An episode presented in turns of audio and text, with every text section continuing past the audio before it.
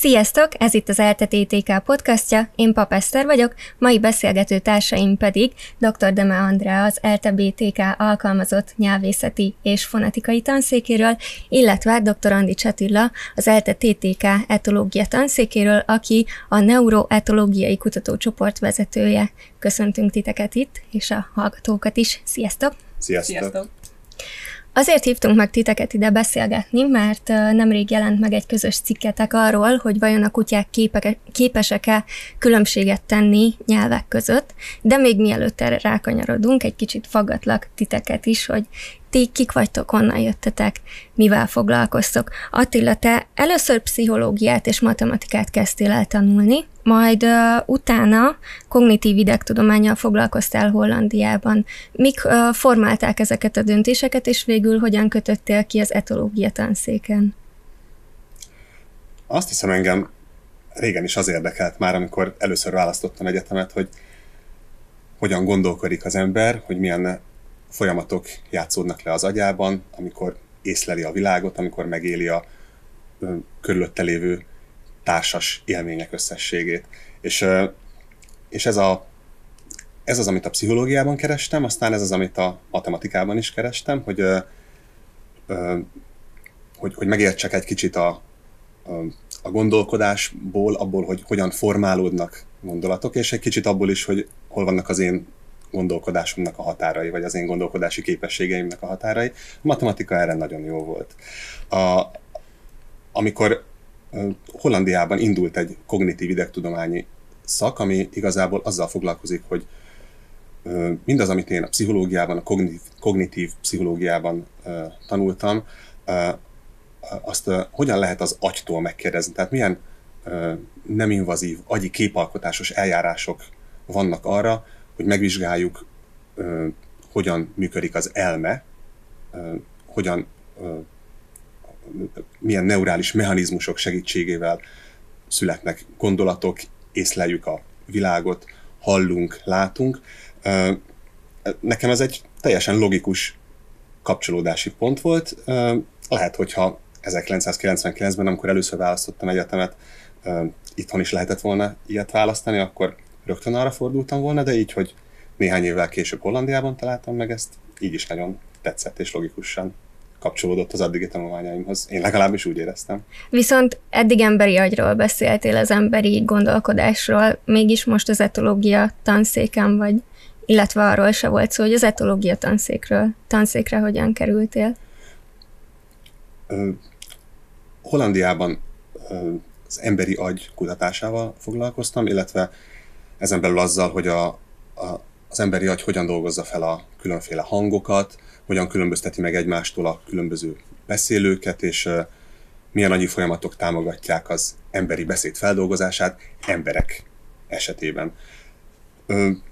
Néhány évvel azután, hogy hazatértem Hollandiából, uh, kerestek meg az etológia tanszékről, ahol akkor indult egy egészen őrültnek tartott projekt. Ők maguk, akik megnyerték a pályázatot rá, az etológia tanszék munkatársai tartották őrültnek ezt a projektet, és nekem nagyon megtetszett ennek a projektnek az izgalmassága, a kihívás benne, az őrültsége, mégpedig az, hogy próbáljuk meg, próbáljuk meg megcsinálni ezt az agyi képalkotás ötletet kutyában is. Próbáljuk meg kitalálni a módszertanát annak, hogy nem invazív módon, altatás nélkül, mm, bármiféle leszorítás vagy, vagy kötözés, tehát minden ilyesmi nélkül tudjunk vizsgálni egy nem emberi agyat olyan módszerekkel, amikkel egyébként én tanultam, hogy emberi agyat is lehet vizsgálni. Ebben én nagyon nagy kihívást láttam, és egy, egy szuper csapatba csöppentem bele.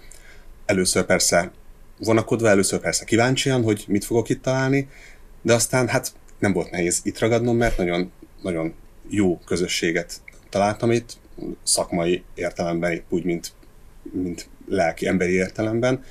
Egy igazán kreatív, igazán nyitott, igazán integratív, motiváló csapat volt akkor is, és van azóta is az etológia tanszéken, úgyhogy gyertek velünk dolgozni az etológia tanszékre, ezt akárhányszor szívesen elmondom. Illetve egy csomó-csomó új kérdés jött, gondolom, ahogy sikerült ezt a technológiát vagy módszert kidolgoznotok. És hát sikerült ezt a technikát kidolgoznunk, ez volt a legizgalmasabb, hogy egy-két éven belül persze, úgyhogy már előtte, az el, én, én talán 2012-ben keveredtem ide, és az előtte lévő években Gácsi Márta, Miklósi Ádám már dolgoztak azon, hogy, hogy hogyan, lehetne, hogyan lehetne megcsinálni ezt a, ezt a furcsa dolgot, hogy egy nagy kattogó mágneses csőben hosszú percekig feküdjön mozdulatlanul egy kutya. A tréning része már, már valamennyire megvolt addigra, az agykutatásos része, a, a mm, képelemzős módszertani része akkor még hiányzott, és összerakva ezeket a különféle tudásainkat, mm, sikerült egy pár év alatt mm, valóban megjelentetni az első izgalmas publikációt, amiben összehasonlítottuk az emberi és a kutya agy működését, miközben a két faj egyedei különféle hangokat hallgatnak. Andi pedig most hozzád fordulok. Te nyelvész vagy, azon belül is fonetikus. Mivel foglalkozik egy fonetikus?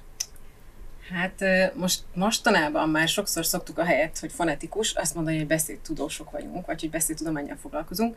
Egyrészt azért, mert ez egy kicsit úgy átfogóbb, több mindent lehet beleérteni, másrészt meg szerintem transzparensebb a szó, tehát jobban lehet érteni, hogy mivel foglalkozunk. Mi úgy vagyunk nyelvészek, hogy minket a nyelvnek az a része érdekel, amit meg lehet tapasztalni a világban, tehát a beszélés.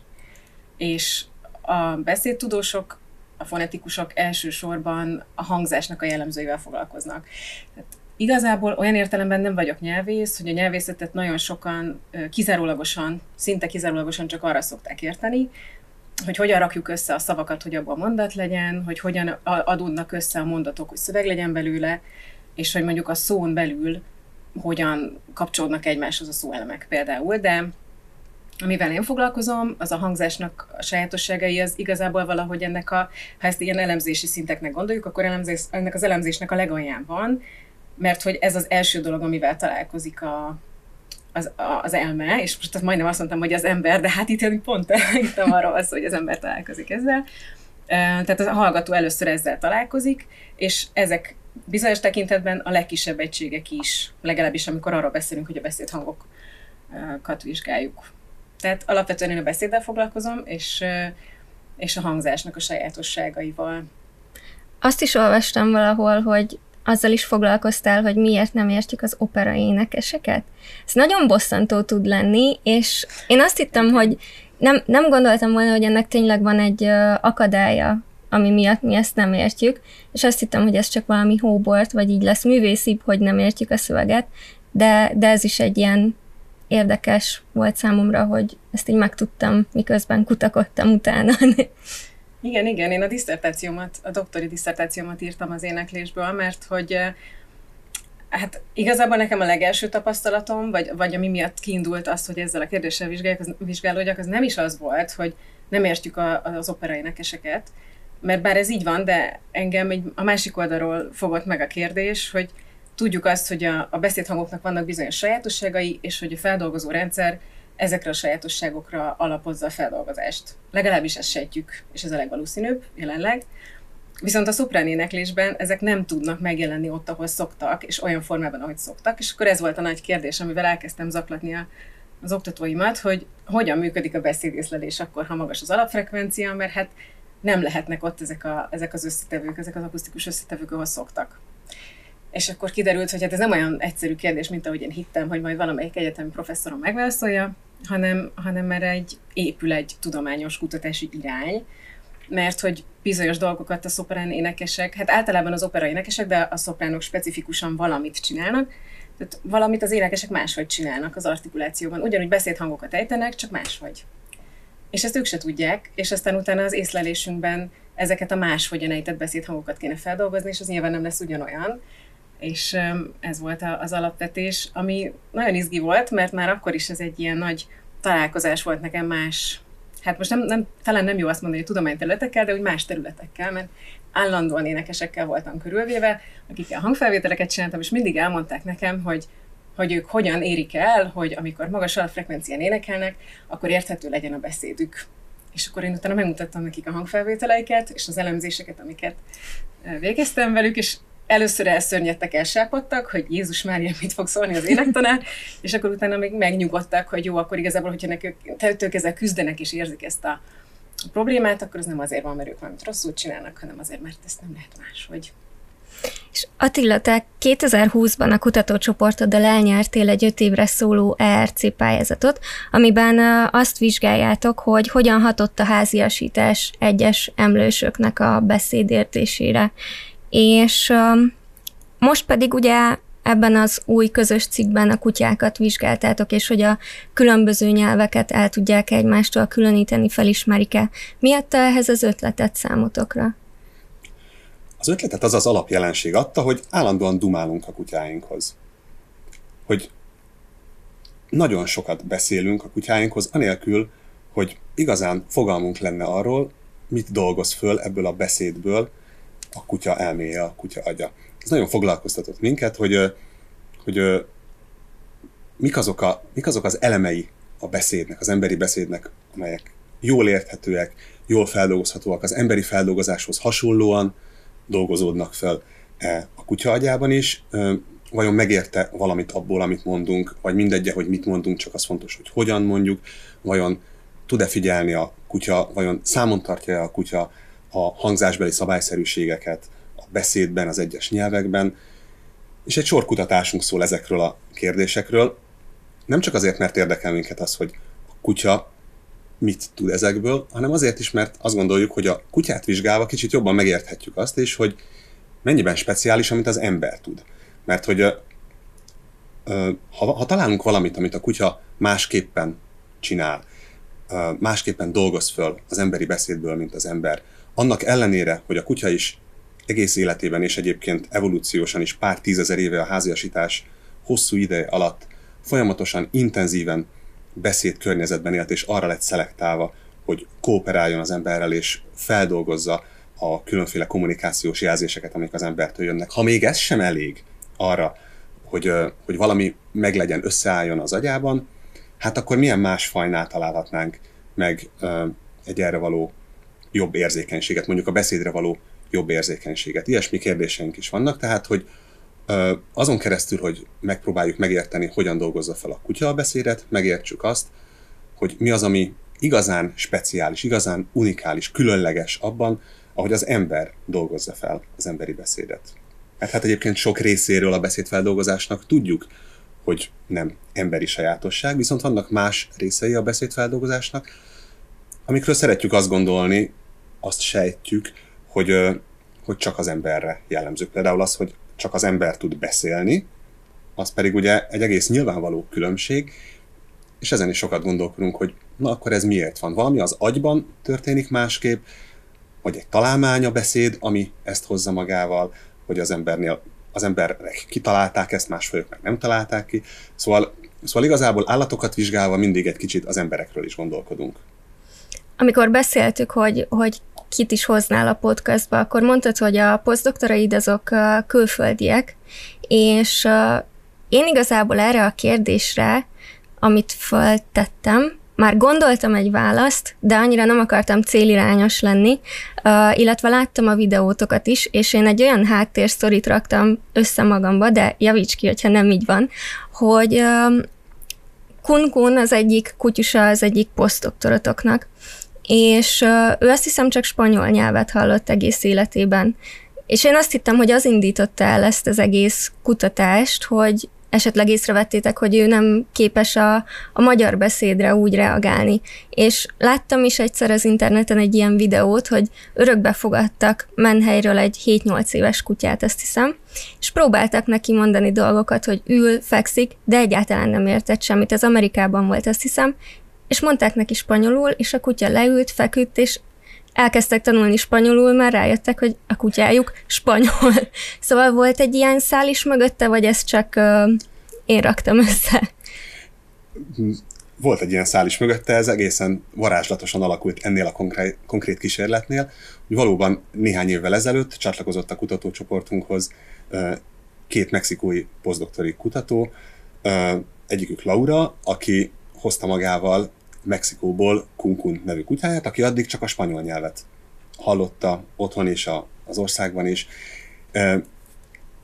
Ő szintén egy olyan kutya volt, akit megtanította a gazdája, agykutatóként, Laura, arra, hogy hosszú percekig mozdulatlanul feküdjön ebben a az MR készülékben, így amikor megérkeztek Magyarországra, nem sokkal később meg is tudtuk mérni az ő agyműködését, mert addigra már megformálódott bennünk ez a kérdés, hogy vajon eltére egy kutya agyi válasza, amikor egy olyan nyelvet hall, amit gyakran hallott, amit ismer, amit jól ismer, ami szinte kizárólagos az ő emberi családjában,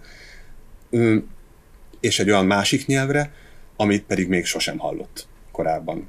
Kutatásba Kunkun inspirációjára persze sok más kutyát is bevontunk, és a legtöbb kutya a magyar nyelvet hallotta, mert itt végeztük a kutatást nagy részt, itt végeztük, tehát teljesen itt végeztük a kutatást, és a kutyák nagy része magyar családban nevelkedett, és a spanyol volt számukra teljesen ismeretlen, de volt két kutya, akik pedig spanyol családban nevelkedtek, és a magyar volt számukra teljesen ismeretlen. Igen, az érdekelt minket, hogy figyelnek-e azokra a hangzásbeli jellegzetességekre, amik karakterizálják, amik jellegzetesen csak az egyik nyelvre jellemzők, amik, amik a spanyolban ott vannak, a magyarban nincsenek, vagy a magyarban ott vannak, és a spanyolban nincsenek.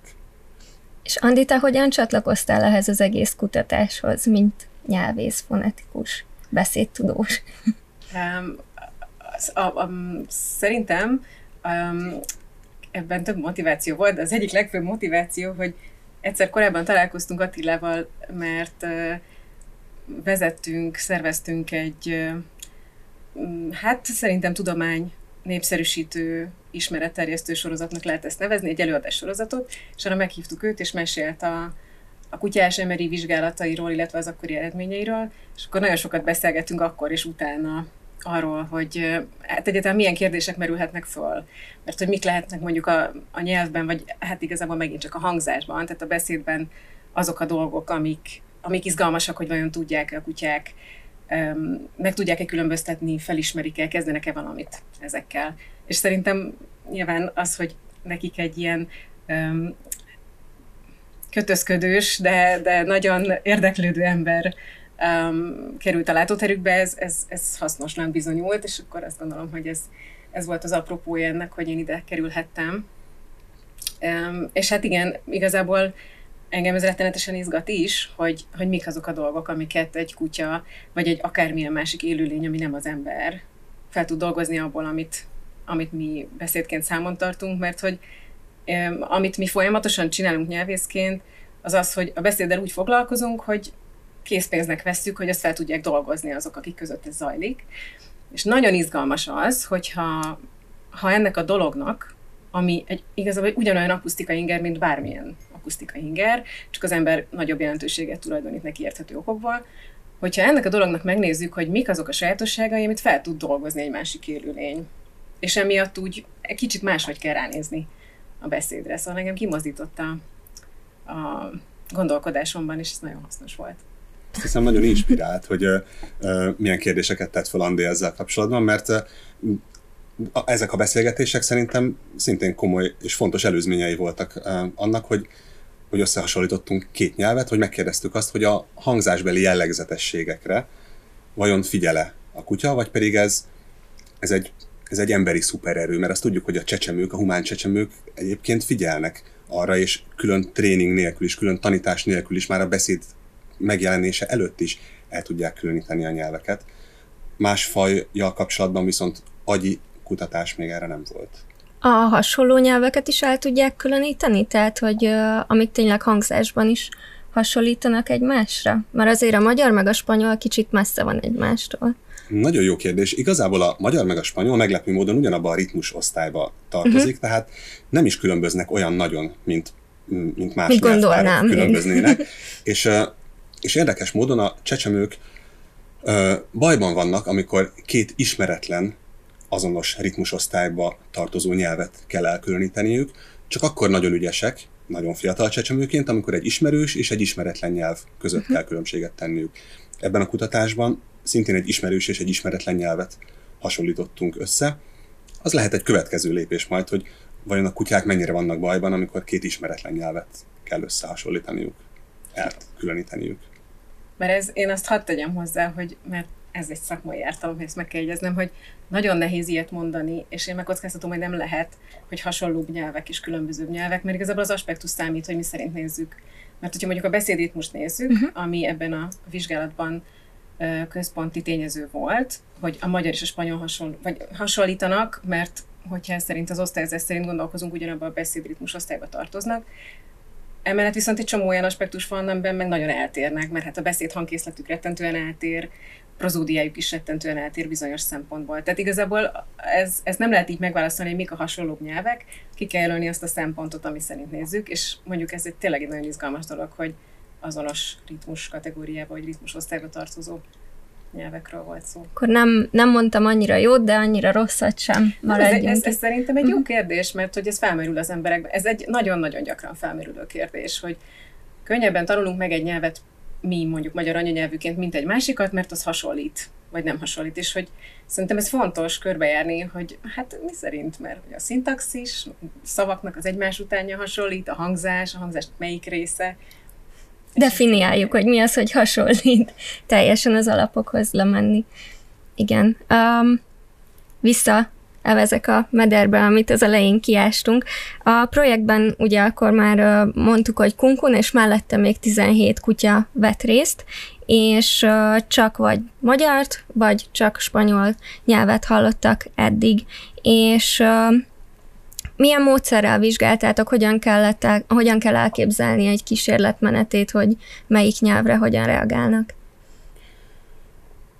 Megtanítottuk mind a 18 kutyát előtte arra, hogy hosszú perceken át, körülbelül 6-7 percen át egyáltalán nem mozdítsák meg a fejüket, sőt igazából semmiüket, miközben egy hangos, kattogó, elektromágneses csőben fekszenek, ugye ez az MR készülék, amit kórházakból ismerhetünk, és miközben két másodpercenként egy, egy 3D-s fényképet készítettünk az agyukról, az agyi aktivitásukról, az agyukban, agyuk egyes pontjainak az oxigén ellátásáról. Eközben egy fejhallgatón keresztül különféle ingereket játszottunk le nekik, hangingereket. A kis hercegből mutattunk nekik részleteket, magyarul, spanyolul, illetve a magyar és a spanyol természetes beszédnek is elkészítettük a rontott változatát, a nem beszéd változatát, amikor egész apró szeletekre daraboltuk a természetes beszédet, és egy természetellenes ingert állítottunk elő azzal, hogy ezeket az apró szeleteket randomizáltuk, egy kevert sorrendben mutattuk be. Így a, az apró részletek ugyanolyanok voltak, az egész együtt mégsem hangzott beszédnek. Ezt azért csináltuk, hogy így akkor négyféle ingerünk volt, magyar és spanyol természetes, magyar és spanyol természetellenes, hangok, uh-huh. és így két külön kérdést is fel tudtunk tenni. Egyrészt azt, hogy elkülöníti-e a kutya agya a beszédet a nem beszédtől, vagyis érzékeli-e, amikor beszédet hall, hasonlóan az emberhez. Vannak-e olyan agyterületek, amelyek erre érzékenyek? Másfelől meg azt is megkérdezhettük, hogy elkülöníti-e az agy, vagy az agynak egy bizonyos területe az ismert nyelvet az ismeretlen nyelvtől, akár nyilván az, a, a nyelvek elkülönítésénél fontos volt az, hogy, hogy ez csak a természetes ingerekre vonatkozik-e. Mert, mert ha egy olyan elkülönítést láttunk volna, ami a természetellenes ingereknél is van, akkor ugye a kérdés, hogy itt most valóban a nyelvek elkülönítéséről van szó, vagy valami más van mondjuk az egyik beszélő és a másik beszélő között vannak olyan különbségek, amiket figyel a kutya. Láttam a fényképeteken, hogy uh, ilyen fülhallgatószerűség is van a kutyán. Az inkább valami zajszűrést, vagy ott kapta a hangingert? Igen, ezt a kettőt. Uh-huh. Ez egy olyan, egy olyan fejhallgató, ami egyúttal jelentősen tompítja a kívülről jövő kattogó zajt, így aztán a kutyákat egyrészt nem éri zajártalom, másrészt pedig hallják az ingereket. Bár ez egy olyan kísérlet volt, ahol, ahol úgy egy olyan technikát alkalmaztunk, hogy, hogy elcsendesítettük a gépet azokra az időszakokra, amikor a hangingert bemutattuk, és csak akkor kattogott hangosan, amikor éppen nem mutattunk be hangingert, kihasználva azt az izgalmas jellegzetességét a, az agyi válasznak, hogy annak a típusú agyi válasznak, a vérellátásban megfigyelhető oxigén telítettségnek, amit az efemerivel mérünk, Tehát, hogy ennek a válasznak van egy néhány másodperces csúszása. Tehát szép csendben megmutattuk a hangokat, és aztán néhány másodperccel később hangosan kattoghatott a gép, hogy megmérjük, milyen reakció jött arra. Egy kicsit az efemeriről tudsz mesélni, hiszen úttörője voltál ennek a kidolgozásában, hogy kutyáknál ezt hogyan használjátok, tehát mondtad az oxigén ellátottságot, tehát akkor amelyik agyi rész um, aktív, akkor ott a, az oxigén a vérellátottság miatt uh, magasabb koncentráció, és akkor ezt tudjátok detektálni? Ez egy nagyon jó rövid összefoglaló. A neurális válasz fiziológiás válaszokhoz vezet, amiknek következtében röviden a, a dezoxihemoglobin szint lecsökken, az oxihemoglobin szint megnő egy adott területen, és ennek, e, ennek vannak olyan mérhető következményei, amiket ebben a, mm, ebben a képalkotásos eljárásban nagy mágnesek, egy, egy, egy erős mágneses térben jól, mm, jól tudunk mérni, jól le tudunk képezni, ráadásul úgy, hogy nagyon nagy pontossággal meg tudjuk mondani, hogy, hogy hol történt az a változás. Tehát két-három milliméteres pontossággal meg tudjuk mondani az egész agynak mindegyik pontjában, hogy éppen az adott másodpercben csökkenő vagy növekvő oxigén telítettség található ott. Ami azért nagyon fontos, mert ebből aztán akkor folyamatában lehet következtetni arra, hogy melyik agyterület mennyire volt aktív. Ugye mi nem konkrétan az aktivitást mérjük, igazából rádiófrekvenciás jeleket mérünk az MR-ben, amiből aztán következtetünk a dezoxihemoglobin szintre, amiből aztán következtetünk a, nem csak a fiziológiás, hanem a neurális válaszra is, és így aztán igazából mi már agy, agyi aktivitás mintázatokról beszélünk, annak ellenére, hogy a készülék maga csak rádió jeleket mér. És akkor ezt ti meg a gépen látjátok három dimenzióban, hogy akkor hogyan néz ez ki? Az nagyon jó lenne, ha ezt mi rögtön a gépen látnánk, közte azért eltelik még egy hosszú-hosszú időszak, amikor ezeket a nyers adatokat elemezzük. Ez, a, ez annak a mm, mm kutatómunkának a jelentős része, amit végzünk, hogy, hogy ezekből a nyers adatokból, amik ráadásul nagyon különböznek az egyes kutyák között, és ez volt a, a nagy kihívás, talán az egyik nagy kihívás, amikor megpróbáltuk ezt az emberben már jól bejáratott technikát kutyákra is átültetni, hogy ezeket a különböző kutya agyakat valamiképpen egybe tegyük. Mert amikor mi 18 kutyáról szeretnénk mondani valamit, akkor a 18 kutya agyát valamiképpen egy ö, csoportelemzésben össze kell hozni. Ö, ez úgy történik, hogy van egy átlag agyunk, egy átlag kutya agy, egy átlag templát, és mindegyik egyedi kutya agyat valamiképpen transformáljuk, bele, beleforgatjuk, bele mm, formáljuk ebbe a, ebbe az átlag agyba, ennek a technikája egyáltalán nem magától értetődő, és, és így aztán feltételezhető, hogy az egyes aktivitások, amik egyébként talán különböző helyen voltak a különböző agyformák miatt az egyes kutyákban, azok valahogy ugyanoda érkeznek meg akkor, hogyha egyébként ö, ugyanarról az agyterületről származnak. Tehát úgy tudunk következtetni egy adott agyterületnek a működésére, hogy egyébként az egyedi agyak valamelyest különbözőek lehettek.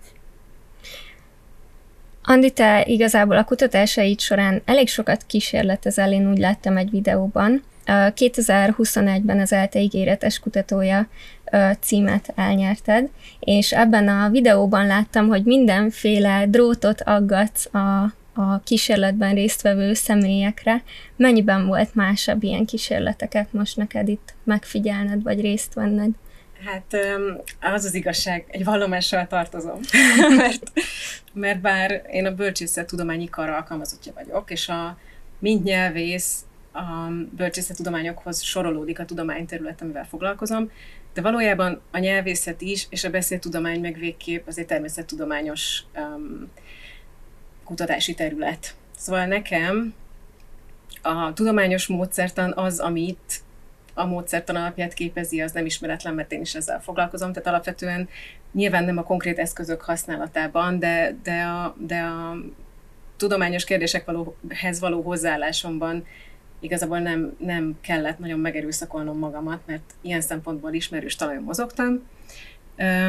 Mert valóban, a, amit, amit említesz, az hát a, a, arról készültek felvételek, hogy elektromágneses artikulográfiával vizsgáltunk kísérleti személyeket, mert én az elmúlt öt évben um, egy lendületpályázatban, aminek most lett vége a tavalyi évben, artikulációs vizsgálatokat csináltam uh, egy nagyon szuper kutatócsoportban a kollégáimmal, és hát artikulációs vizsgálatokat előttünk Magyarországon nagyon régen csináltak utoljára, akkor, amikor még röntgennel lehetett, mert nem, nem merültek fel olyan etikai problémák, hogy a röntgensugárzás káros az egészségre, és amilyen öm, eszközöket mi használtunk, ezek ugye nem, tehát hogy ez egy ilyen nagy újdonság volt, hogy ezeket a technológiákat megpróbáltuk meghonosítani, több-kevesebb sikerrel nyilván hatalmas erőfeszítés az ilyesmit elsőként használni, és mi ultrahangkészülékkel és elektromágneses artikulográfiával dolgoztunk, és igen, az valóban így néz ki, hogy szenzorokat ragazgattunk a kísérleti személyeknek a nyelvére, szájára, fejére, és azt vizsgáltuk, hogy azok, a, azok az artikulációs szervek, amiket nem lehet látni beszéd közben, hogyan mozognak. Mert hogy ugye a hangzáshoz hozzá tartozik az is, hogy hogy jön létre az a hangzás, hát úgyhogy az artikulációs szervek valamilyen parancsokat kapnak az agytól, és innentől kezdve ez már egy fonetikusnak a hatásköre, és azt nézzük meg, hogy ha artikulációs fonetikával foglalkozunk, hogy mit csinálnak azért az artikulációs szervek, hogy létrejön a beszéd, mint akusztikai jel, és akkor utána az utolsó lépés, ami még ide tartozhat, az, hogy megnézzük, hogy ezt az akusztikai jelet, kiegészítve persze a vizuális ingerrel, hogyha ez egy releváns kérdés, hogyan dolgozza fel az elme. Úgyhogy én alapvetően azt gondolom, hogy egy eléggé természettudományos beállítottságú ember vagyok, amiatt, hogy ezzel foglalkozom már elég régóta. Sőt, egyébként ez most egy ilyen kis színes blokk, de ezt muszáj megjegyeznem, hogy ez egy nagyon-nagyon gyakori tapasztalata a magyar szakon, mert ugye magyar szakot végeztem eredetileg és kulturális antropológiát. Én azért mentem magyar szakra, mert mindig is nagyon reálos agyam volt, de izgattak az emberek. És, és ami rettentesen izgatott még, hogy hogy elméleteket gyártsak. És szerintem a középiskolában azt lehet megtanulni, vagy hát elsősorban az ember elméleteket gyártani az irodalom órán. Tud, mert szövegeket elemzünk, gondolkozunk, hogy mi hogyan értelmezhető, mi hogy van, és szerintem mindenkinek, akinek ez izgalmas, annak tudományos pályára kéne mennie, mert élvezni. És, és elmentem magyar szakra, és akkor ott kiderült, hogy hát azért ez, ehhez nem, nem eléggé vagyok humános, és aztán viszont az is kiderült, hogy van ott egy olyan dolog, ami az én agyamnak való, ami így ötvözi ezt a két dolgot, és ez pedig a nyelvészet, és azon belül is semmi extrém módon szuperül ötvözi az a beszédtudomány. És mit gondoltok most akkor így mindkettőtökhöz fordulok kutyákkal, vagy emberekkel egyszerűbb kísérleteket megtervezni? Emberekkel. Ezerszer. Néha, amikor olyan vizsgálatot végzünk, ami mondjuk egy agyi képalkotásos vizsgálatot, amikor ugyanazt a kísérletet végezzük el, pont ugyanazt a vizsgálatot, ugyanazokkal az ingerekkel, ugyanazzal az elrendezéssel, emberekkel és kutyákkal, és, és aztán eljutunk a, a tesztelés végéig, átverekedjük magunkat az elemzésen, és akkor mindig úgy sóhajtunk egy nőt, hogy ó, hogy ez mennyivel egyszerűbb és átláthatóbb és támogatottabb más kutatócsoportok hatalmas háttértudása meg adatbázisai által, mint úttörősködni, és állni egyedül a világ közepén ezzel az egész kutya dologgal. Szóval, szóval azért amellett, hogy nagyon izgalmas, hogy, hogy rajtunk kívül három vagy talán négy csoport van a világon, ahol egyáltalán megpróbálkoztak kutyák agyi képalkotásos vizsgálataival, azért ez azt is jelenti, hogy, hogy minden egyes egyszerűnek tűnő kísérlet elvégzése mögött hatalmas munka van, sokszor sokkal nagyobb, mint, mint egy hasonló emberes kísérlet elvégzésénél. Viszont az úttörésből lesz világszenzáció. Még gyorsan azt hadd kérdezem meg, hogy azt derítettétek ki, hogy tudnak különbséget tenni a kutyák az mondjuk azt, hogy anyanyelvük és egy ismeretlen nyelv között, illetve a beszéd és nem beszéd között. De mik azok a jelek, amikből ti erre következtettetek? Tehát a kutatás fő eredményei azok voltak, hogy az úgynevezett elsődleges hallókéreg egy nagyon korai feldolgozó agyterület, a, feldolgozási hierarchiának egy korai állomása, elkülöníti egymástól a beszédet és a nem beszédet, tehát a természetes ingereket, a természetes beszédingereket és a természetellenes beszédből összekuszált hangingereket különbözően dolgozza fel. Ez egész egyszerűen azt jelenti, hogy az agyi aktivitás mintázat ezen a területen különbözött amikor átlagoltuk a sok, sok beszédre adott agyi aktivitás mintázatot, és átlagoltuk a sok nem beszédre adott agyi aktivitás mintázatot, statisztikai különbség volt e között a kettő között, ezen a területen, az elsődleges hallókéregben. És egy másik, egy a feldolgozási hierarchia magasabb fokán lévő agyterület, az úgynevezett másodlagos hallókéreg, különítette el hasonló módon az ismert és az ismeretlen nyelvet egymástól, tehát egy eltérő aktivitás mintázatot láttunk az egyik, meg a másik nyelv hallatán a kutya, a kutyában, kutya agyban. Ami ebben nagyon izgalmas volt még az az, hogy nem minden kutyánál volt egyforma ez a megkülönböztetés. Tehát a beszéd és a nem beszéd elkülönítését például befolyásolta a kutya fejformája, a kutya agyformája. Egy hosszúkásabb, minél hosszúkásabb fejű volt egy kutya, annál nagyobb volt a válaszkülönbség a beszédre és a nem beszédre mutatott válaszok között. És minél öregebb volt egy kutya, annál nagyobb volt az aktivitás mintázatok közötti különbség az ismerős és az ismeretlen nyelv hallatán. Tehát akkor mondjuk elképzelhető az is, hogy egy kutya is tud tanulni nyelveket, hogyha még fiatalkorban elkezdik mindkettőre, tehát mondjuk tudna bilinguális lenni egy kutya is? Ez a kutatás nekünk azt mutatja, hogy a kutyák figyelnek a nyelvekben rejlő hangzási szabályszerűségekre, jellegzetességekre, amik az egyik nyelvet valamiképpen a hangzás szintjén megkülönböztetik a másiktól. Persze az, hogy mit értenek ebből a nyelvből, arról semmit nem tudunk mondani, de, de az látszik, hogy ez valamilyen tanulási hatás. A tapasztalatnak szerepe lehet itt, legalábbis erre mutat az, hogy minél többet, minél több időt, minél több évet tölt egy kutya egy adott nyelvi közegben, annál erősebben különbözteti meg uh-huh. a sokat hallott nyelvet egy korábban nem hallott nyelvtől.